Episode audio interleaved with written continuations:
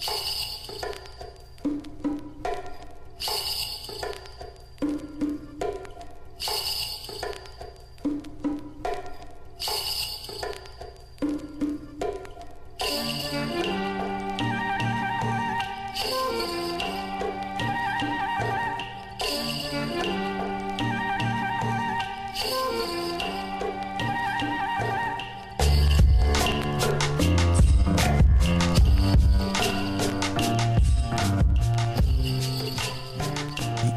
sumar munum við endurflytja fimm þætti um kýmverska tónlist sem Arþór Helgason gerði fyrir Ríkisútarfið fyrir um 20 árum síðan.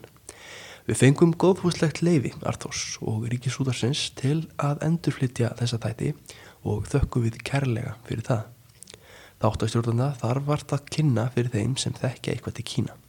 Arþór Helgason var snemma hugfóngin af kýmverski tónlist og án Eva má fulliða að hann sé sá Íslandíkur sem þekkir best til tónlistar þar austur frá. Það er því mikill fengur að því að geta endurflutt þættina hér. Eins og ég nefndi eru þættinir alls fimm talsins og fymti og síðasti þátturinn fer hér á eftir. Njótið vel. Góði hlustendur. Á þessari öld hafa orðið miklar breytingar á þjóðlegri kýmveskri tónlist. Menn hafa farið að skrifa útsetningar á gömlum þjóðlögum og rattsetja þau í vestrænum anda, ímis hljóðfæri hafa bæst við og menn hafa tekið að leika á önnur hljóðfæri en áður tíðkuðust sem einleiksljóðfæri. Má þar meðal annars nefna dýtsu, flautuna, en eh, áður fyrr var hún engöngu notuð í hljómsveitum. Árið 1952 var stopnuð þjóðleg hljómsveit í Shanghai.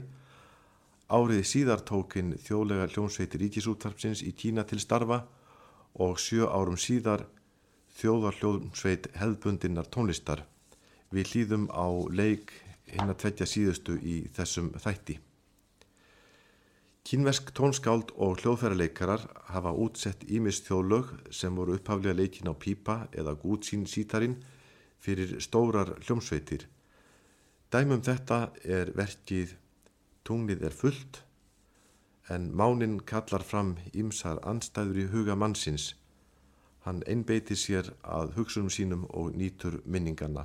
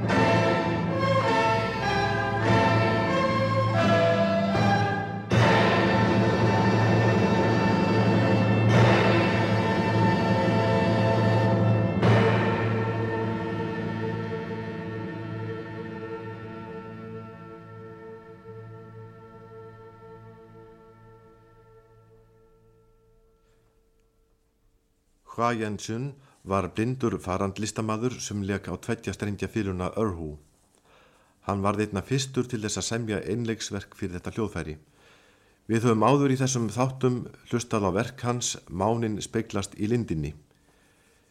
Við skulum hlýða aftur á þetta verk í flutningi hinnar þjóðlegu hljómsveitar Ríkisúttarpsins í Kína.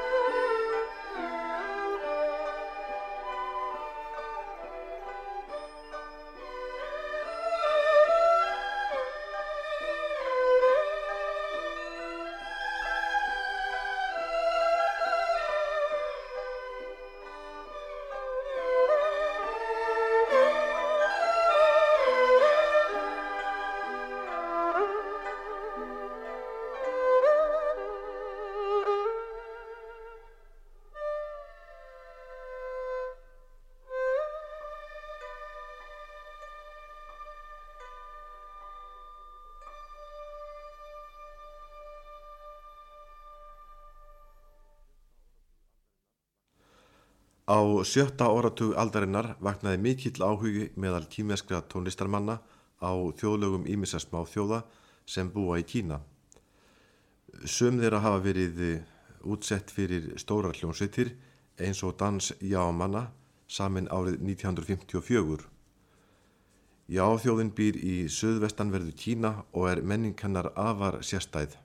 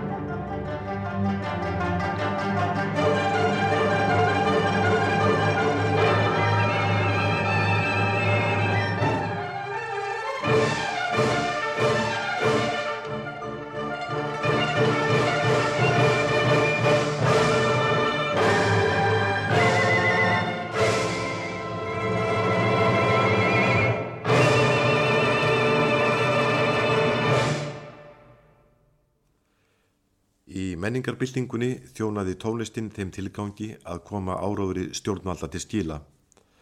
Útsetning mongólska lagsins Rauðu varliðarnir hafa séð má og formann er dæmi um eitt af meistarverkum þessa tíma sem heyrast nú ekki lengur í Kína.